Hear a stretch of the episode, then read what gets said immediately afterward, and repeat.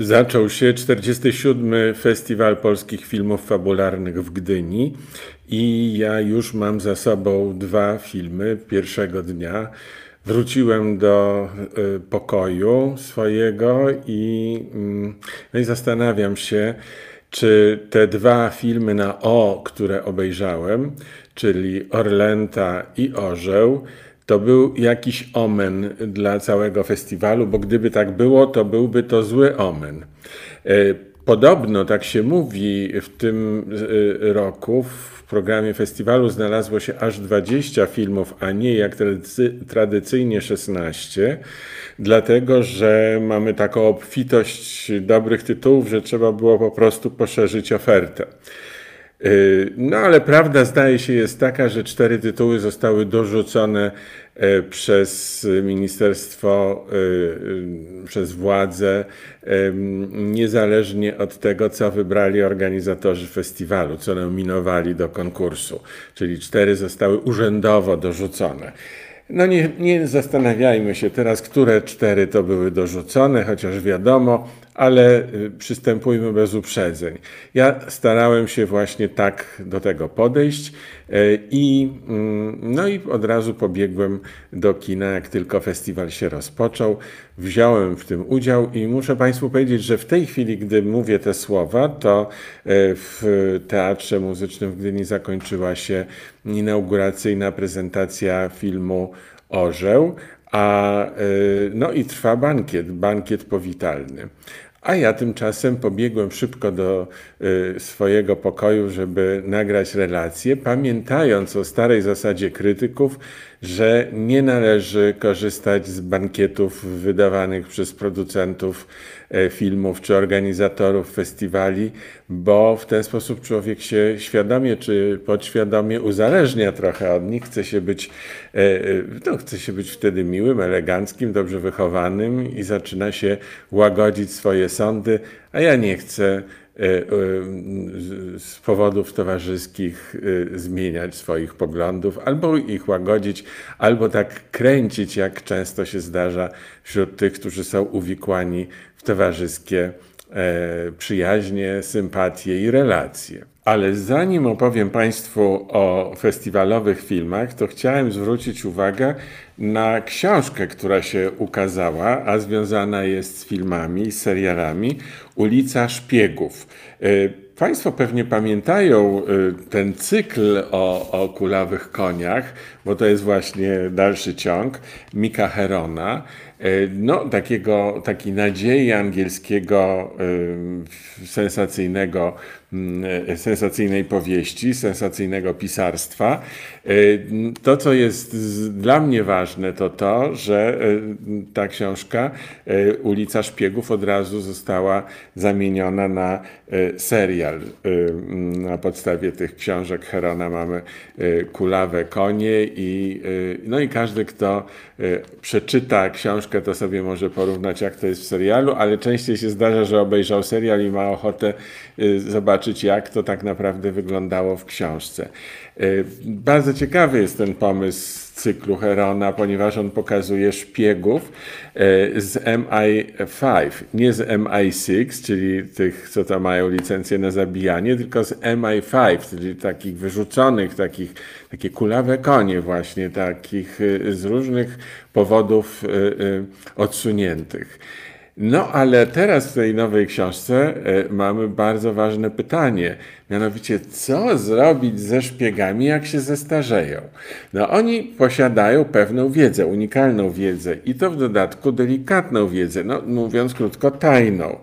No ale jeżeli się zaczynają starzeć, jeżeli się w to wdaje jakiś Alzheimer, albo się wdaje no po prostu otępienie, najpierw lekkie, a potem coraz większe, to człowiek przestaje kontrolować. To, co mówi, to, co myśli, mieszają mu się informacje i, i, wiadomości z wcześniejszego życia i łatwo wychlapać te tajemnice, łatwo, y, y, łatwo się wydać. No i można narobić kłopotu nie tylko sobie, ale przede wszystkim tym innym, którzy pracują dla, dla królowej w zawodzie szpiega. Mm, to jest moim zdaniem bardzo ciekawy, ciekawy pomysł, sensacyjny. Budowa domu starców dla szpiegów. Prawda, że brzmi ciekawie? No to polecam Państwu ulica Szpiegów. Ja czy, jadąc tutaj do Gdyni czytałem sobie mm, w pociągu i, i, i była to fajna lektura. E, ale teraz już wracamy do, e, do Gdyni. Pierwszy film, który widziałem, to jest, to, to jest film pod tytułem Orlęta Grodno 39. Film, na który czekałem bardzo. Na, e, czekałem dlatego, bo to jest film o tym, jak we wrześniu 1939 roku e, Rosjanie, e, a właściwie Sowieci, bo to był wtedy Związek Radziecki czy Sowiecki, i zadali nam cios w plecy, kiedy, kiedy Polska walczyła w kampanii wrześniowej z hitlerowcami, którzy od, uderzyli od zachodu i od zachodu przez całą Polskę aż do wschodu parli, to w tym samym czasie Polacy i, i ludność tych wschodnich terenów, która się cofała przed Niemcami, e, licząc na, na może nie ratunek, no ale jakiś rodzaj e, mm, e, bezpieczeństwa za granicą Związku Radzieckiego, no bardzo się przeliczyła, ponieważ wtedy właśnie uderzyli Rosjanie. I Rosjanie uderzyli w sposób okrutny, mordowali, wywozili, to za PRL-u, czyli za komuny, było wygaszane. Ta informacja, niby wiedzieliśmy, że tak było, ale o tym się nie mówiło. Szczegółów trudno było dowiedzieć się. Więc teraz, gdy już wszystko wiadomo, znaczy, gdy może być wiadome od wielu lat, no czekaliśmy na film, który wreszcie tę sytuację tego, tego noża w plecy Polsce zadanego czy wbitego y, przez Rosjan y, y, no, pokaże w filmie. No i wreszcie się stało. Szedłem z wielkimi nadziejami, ale niestety film nie jest dobry. Film nie jest dobry dlatego, że no, to już jest tak nudne, że mi się nie chce nawet mówić. Scenariusz, scenariusz, scenariusz, scenariusz. Co się dzieje, kurczę? Tyle się mówi o tych scenariuszach. Dlaczego reżyser się musi zabierać za ten scenariusz? Y, y, reżyser y, Krzysztof Łukaszewicz napisał sam scenariusz, jest historykiem, bo to interesuje. Zabrakło umiejętności, zabrakło zabrakło takiego luzu w głowie, żeby napisać z tego historię, która byłaby pasjonująca. Wyszedł teatr telewizji dla szkół. Teraz chyba nie ma czegoś takiego, ale za moich młodych lat istniał taki teatr telewizji produkowany specjalnie dla szkół i te, te spektakle były pokazywane y, o 11, 10, 11 rano. Nie, nie dla dorosłych, tylko właśnie dla dzieci. Całą klasą siadało się, y, włączany był telewizor i oglądało się taki teatr. On był robiony za małe pieniądze, tanimi, prostymi środkami, więc on był jeszcze bardziej prosty inscenizacyjnie niż teatr telewizji, ten e, poniedziałkowy, który z natury rzeczy, mimo że ma w Polsce bardzo dobrą opinię, ale z natury rzeczy jest właściwie taką ubogą formą e, filmu. Takim się w Polsce stało. I ja nie jestem e, wielbicielem teatru telewizji. Nigdy nie byłem, ale teatr telewizji robiony dla szkół to już naprawdę było uproszczenie uproszczonego. E, więc od strony scenariuszowej, realizacyjnej, to jest właśnie na takim poziomie. To znaczy, my wiemy o co chodziło twórcy. Wiemy, że, że, że powód jest patriotyczny.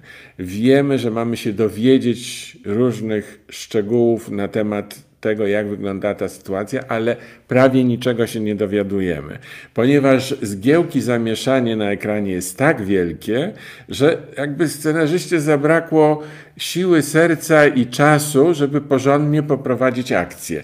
Bez tego wszystko się bez przerwy rwie, ale za to z wielkim upodobaniem pokazywane są sceny okrutne.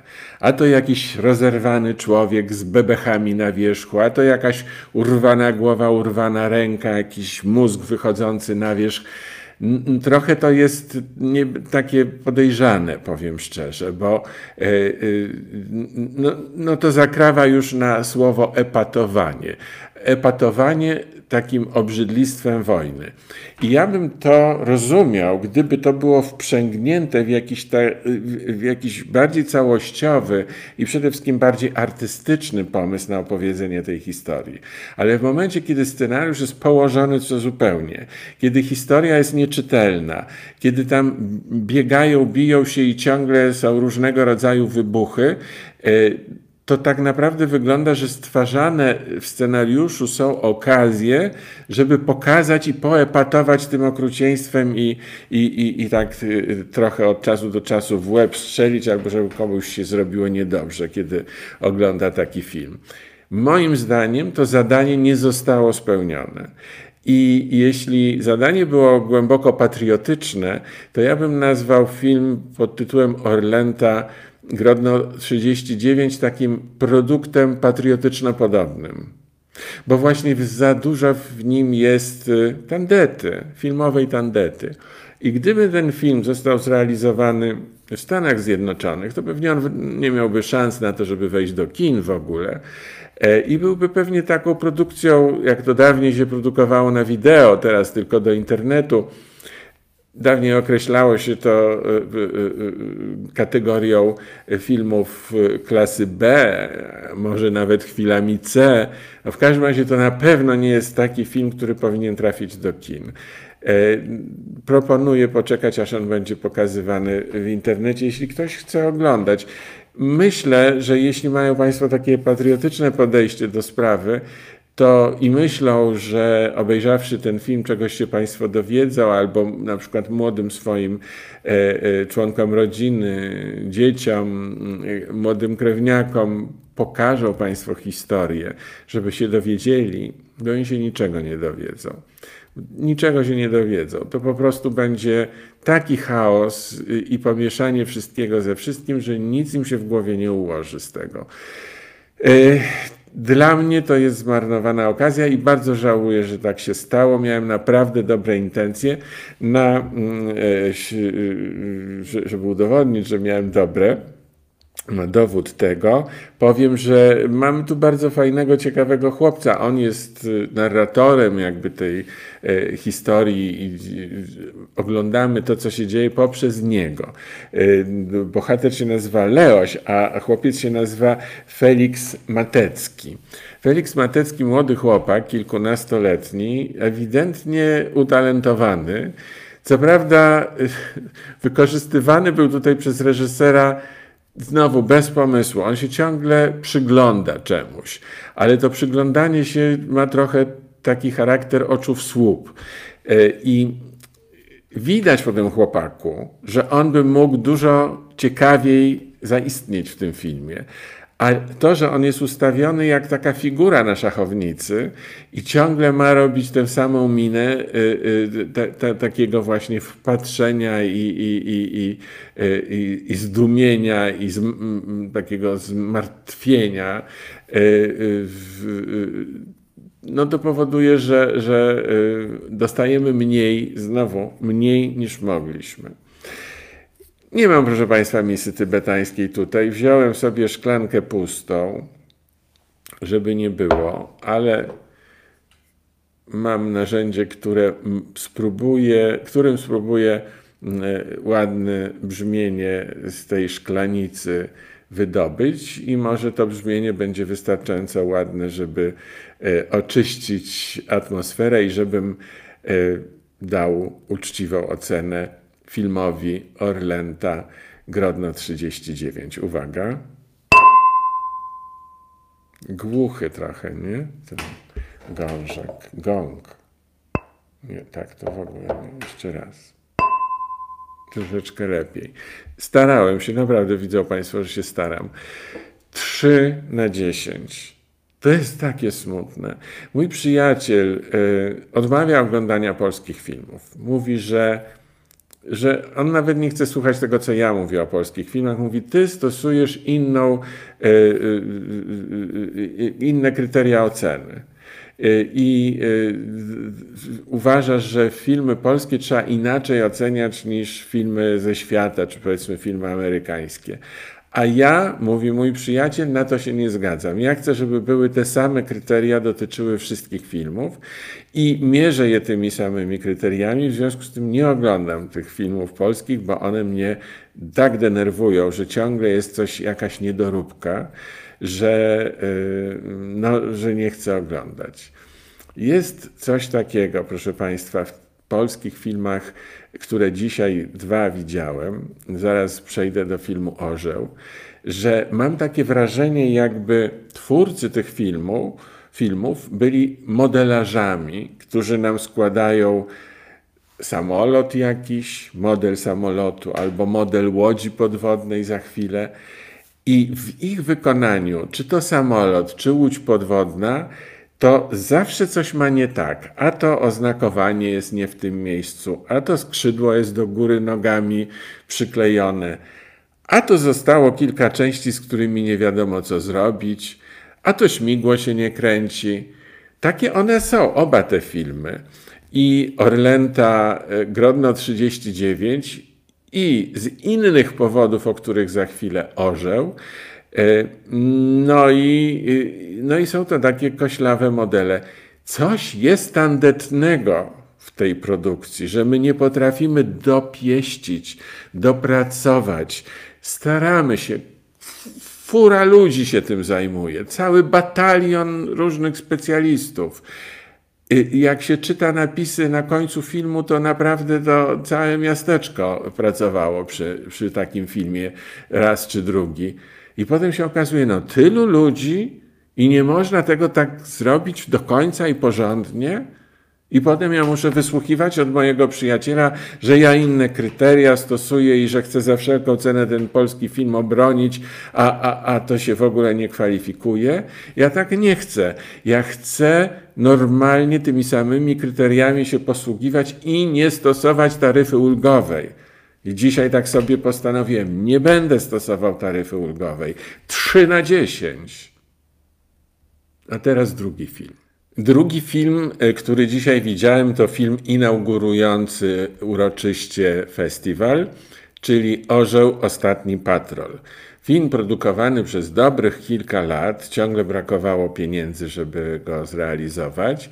No i wreszcie udało się go ukończyć jak mówił reżyser i scenarzysta Jacek Bławut, e, nareszcie orzeł dopłynął do Gdyni, z której kiedyś wypłynął i kiedyś zaginął na morzu.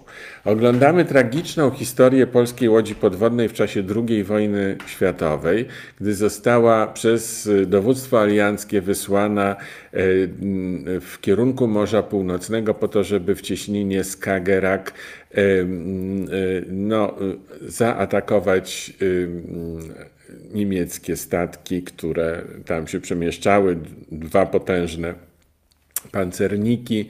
E, e, czyli krótko mówiąc, e, było zadanie do wykonania, ale wykonując to, to zadanie, polska łódź podwodna Orzeł została trafiona przez bomby głębinowe, przez bomby zarówno zrzucane ze statków, jak i zrzucane z samolotów. Tak czy owak nie wiadomo, co się stało ostatecznie z Orłem, bo on nie wrócił do portu. Więc e, oglądamy taką sytuację no, wyobrażoną. E, gdyby nie to, że ja, kiedy byłem małym chłopakiem, czytałem, zaczytywałem się książkami na temat historii ORP Orzeł. E, uwielbiam marynistykę, zawsze chciałem być marynarzem, chciałem być marynarzem łodzi podwodnej i mnóstwo wiedziałem i oglądałem, co się tylko dało na ten temat. To gdyby nie to, to oglądając film pod tytułem e, Orzeł, Ostatni Patrol, nie wpadłbym na to, jak to było bardzo ciekawe i z jakich powodów to było takie trzymające w napięciu. Powiem teraz najcięższe słowo, jakie można powiedzieć, najokrutniejsze wobec filmu. A to było moim udziałem dzisiaj, gdy oglądałem film Orzeł Ostatni Patrol. Otóż ja się na nim nudziłem. Ja, zakochany w łodziach podwodnych, znający te historie na pamięć, uwielbiający morze, ja, który na mojej liście najbardziej ulubionych filmów, na pierwszym miejscu od lat mam film e, Das Boot w reżyserii Wolfganga Petersena, notabene film, który nigdy nie był na polskich ekranach, bo polska komisja zatwierdzająca zakupy y, dewizowe jeszcze, bo to był 81 rok, kiedy wyprodukowano ten film, na polskie ekrany po prostu stwierdziła, że film wywołuje mm, e, sympatię do marynarzy łodzi podwodnej, a to jest niemiecki ubot. I pol, polscy widzowie nie mogą y, odczuwać sympatii do wroga, czyli do, y, no może właśnie tacy marynarze jak w okręcie, czyli w Das Boot, zatopili orła. Nie wiemy tego. Y, krótko mówiąc, tamten film nie został zakupiony na polskie ekrany. On, on miał swoje życie kasetowe y, i ma wielu wielbicieli, o czym wiem, ponieważ od lat piszę o tym filmie i zgłaszają się do mnie ludzie, którzy uwielbiają Das Boot. Otóż Tamten film e, udowodnił nam, e, że taka historia, historia łodzi podwodnej uciekającej przed pogonią, która kładzie się na dnie po to, żeby przetrwać e, właśnie te bomby głębinowe, które, które mają rozerwać kadłub będącego pod wodą, będącej pod wodą łodzi podwodnej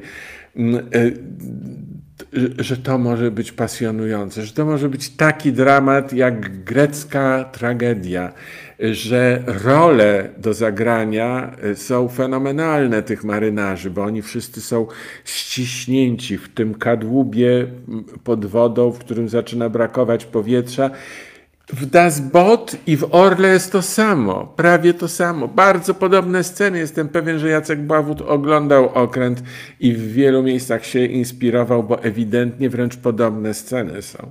Tylko jak to jest zrobione? Tam, ja 10 razy chyba oglądałem Das Boot albo więcej i ciągle jest, trzyma mnie tak za gardło w napięciu. E, fenomenalna muzyka przy tym.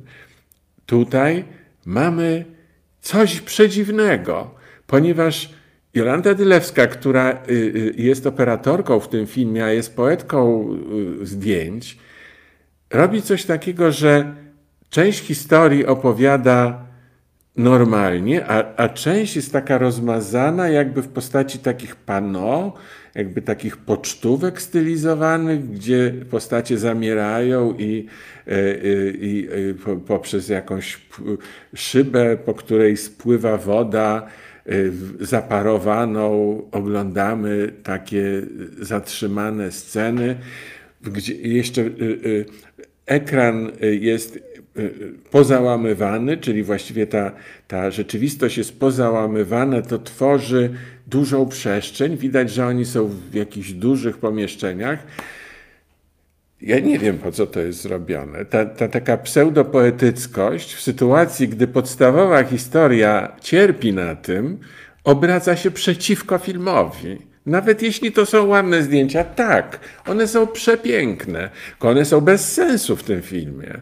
One temu filmowi robią krzywdę, a nie pomagają, bo my i tak mamy kłopot z tym, żeby się zorientować, co oni robią. Właściwie to nie tak jest ten scenariusz jakiś pocięty, ja nie wiem, że ja znam tę historię, więc ja się domyślam, dopowiadam sobie, gdzie oni są, co oni robią, ale jeśli ktoś nie zna historii ORP Orzeł, to z tego filmu niczego się nie dowie, bo to wszystko jest poszarpane. Y, nagle na jakichś szczegółach y, koncentruje się reżyser i operatorka i ogrywa jakiś szczegół, zegarek, jakby bibelot, jakby to w ogóle był jakiś nie, nie, nie, niebywała rzecz, a pomija to, co jest istotą tego, to znaczy co czuje taki człowiek zamknięty w podwodnej puszce, którym, w której brakuje powietrza, brakuje tlenu, w którym wybucha pożar, w którym się jest rannym i nie ma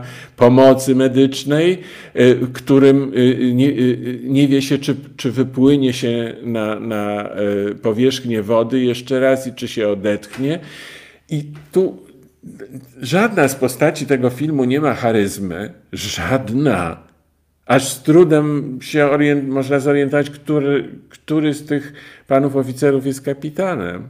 Bo on w niczym nie góruje nad innymi. On, w ni, on jest takim kapitanem niezgułą trochę. Nie rozumiem tego. Po co to tyle lat produkować?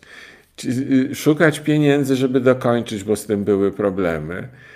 Zresztą był kiedyś już polski film e, o, o, o, o, Łodzi Podwodnej Orzeł, więc powtarzamy tę samą historię. Ja nie widzę tu nic nowego do powiedzenia. Jedyne nowe to jest ten język filmowy, który jest niekonsekwentnie zastosowany. Czasami są takie, powiedziałbym, po Bożemu zrealizowane sceny, czasami są te takie poetyckie wizje ale te wizje też są właściwie zatrzymane na jednym poziomie wartości. To znaczy, to nie są wizje, które by miały swoją dramaturgię i w ramach wizji też by do czegoś prowadziły. To są wizje, które mają charakter przerzucanych kartek w albumie. No, że są, właściwie cały czas jest tak samo, jeszcze jedna kartka, jeszcze jedna. To znaczy są różne obrazki, tylko że on, ich wartość emocjonalna, wartość y, dramaturgiczna jest ciągle na tej samej linii. Niczego nie zmienia. Mówiąc krótko, to jest znowu nieudany film. Jest mi strasznie przykro, bo to powinien być udany film. Potrzebujemy filmów y, y, o polskiej historii, takich, które by dawały nam przede wszystkim dostęp do y, takiej logicznej y, opowieści o tym, jak wyglądały losy polskie w ciągu ostatnich, ostatniego wieku, ostatnich kilkudziesięciu lat. Potrzebujemy tego. My, jeszcze bardziej młode pokolenie. To są filmy naprawdę ważne, ale one mają w sobie coś takiego, że jeżeli się twórcy biorą za taki film, to, to zaczynają pewnie w tych różnych podaniach o pieniądze pisać o kwestiach patriotycznych, o to, jaki to walor będzie miało, jakie to jest ważne i tak dalej. I gdzieś zapominają w tym wszystkim o artystycznym przede wszystkim celu, i gubią się w tych produkcyjnych y, na, no, należnościach, takich produkcyjnych obietnicach. Y, to, to, to się potem obraca przeciwko takiemu filmowi. Y, więc znowu wezmę tę szklankę pustą, nomen omen, znowu uderzę w nią niezbyt mocno, ale trochę głucho i znowu powiem, że jest niska ocena tego filmu. Orzeł, Ostatni Patrol 4 na 10. No jeden punkt więcej niż Orlęta, ale i Orlęta i Orzeł, dwa filmy na O, to nie jest dobry omen na początek tego festiwalu. Martwię się trochę. A teraz, jeśli jeszcze dadzą mi Państwo chwilę, zapraszam na część premium. Więc najpierw będzie Najpierw będzie mały gążek, uwaga, taki malutki. Potem będą trzy łyki wody nie z miedzianego kubka, tylko z tej szklanki, do której nalałem w międzyczasie wody. I teraz powiem Państwu, że tu było mnóstwo y, potencjalnie ciekawych wątków w obu filmach pierwszym o Orlętach y, mamy bardzo ciekawie zarysowaną sytuację ludności y, w Grodnie, czyli na polskich kresach. Y, to są takie kresy białoruskie kresy. Tam dzisiaj Grodno jest Białorusi. Ja byłem w Grodnie już w czasach, gdy należało do no oczywiście, bo się urodziłem wtedy, kiedy Grodno należało do e, Republiki Radzieckiej, Białoruskiej. Spotkałem tam bardzo wielu Polaków i właściwie miałem uczucie, że jestem w polskim mieście. I, i było to bardzo wzruszające, i poczułem się blisko tych postaci, o, o, o których opowiada film Orlenta. Bo przypomniałem sobie tych, którzy dzisiaj tam mieszkają, i być może są to rodziny tamtych tak okrutnie doświadczonych na początku wojny przez wojska rosyjskie, radzieckie. Było, była tam też taka namalowana, powiedziałbym, mapa wrogów. Wrogami byli Polacy i Żydzi, którzy spotykali się na ulicy i się tłukli, bo narodowcy polscy nienawidzili Żydów, a Żydzi, Żydzi też sobie nie dawali w kaszę dmuchać. Mówię o młodych ludziach, którzy, którzy ze sobą walczyli. I mamy tu dwóch przyjaciół, Polaka i Żyda, chłopców nastoletnich, którzy są bohaterami takimi narracji tego filmu, który ponoć jest oparty na kilku prawdziwych wydarzeniach. No, oczywiście akcja tylko jest tam zaczepiona o te historyczne wątki, ale potem jest już y, napisana na potrzeby filmu. Niemniej te, y, to współistnienie Polaków i Żydów przypomniało mi rozmowę z moją mamą, która y, co prawda była warszawianką i uczyła się w szkole w Warszawie, ale uczyła się w bardzo dobrej szkole prywatnej i y, no, nie pochodziła z bogatej rodziny, y, więc była tam tylko dzięki temu, że miała bardzo dobre oceny i otrzymywała od właścicielek, od sióstr, y, do których należała ta szkoła, dostawała stypendium pozwalające jej tam uczyć się. Większość jej koleżanek to były bogate Żydówki, córki inteligentów, takich adwokatów, lekarzy przedwojennych, córki właścicieli jakichś biznesów, e, bo to była dziewczęca szkoła, więc tylko dziewczynki były. I mama opowiadała mi o tym, jak one się przyjaźniły, jak te jej koleżanki Żydo, Żydówki były zainteresowane y, kościołem polskim, ale nie w sensie, że chciały zmienić wiarę, tylko strasznie im się podobała ta obrzędowość polskiego kościoła katolickiego, na przykład Boże Ciało, to one chciały, y, y, żeby je przemycono tam y, do, do, na, na te obchody, żeby mogły wziąć udział, rozsypywać kwiatki, a nie pozwalano im, no, no bo, są Żydówkami, więc te, te koleżanki Polki jakoś tam je przebierały, maskowały, żeby, żeby mogły być razem. I potem I potem, tak jak tu w wojnie, y, gdzie dochodzą nowi wrogowie, tu niby ci Polacy z Żydami są razem, do szkoły też razem chodzą, ale też się kłócą. Potem przyjeżdżają y, Niemcy, najeżdżają Polskę i, i mordują jednych i drugich, a z drugiej strony przyjeżdżają Rosjanie i też mordują jednych i drugich. I wreszcie to się tak splata, że to po prostu taki, taki yy, yy, sznur śmierci robi się ze splecionych losów tych różnych nacji.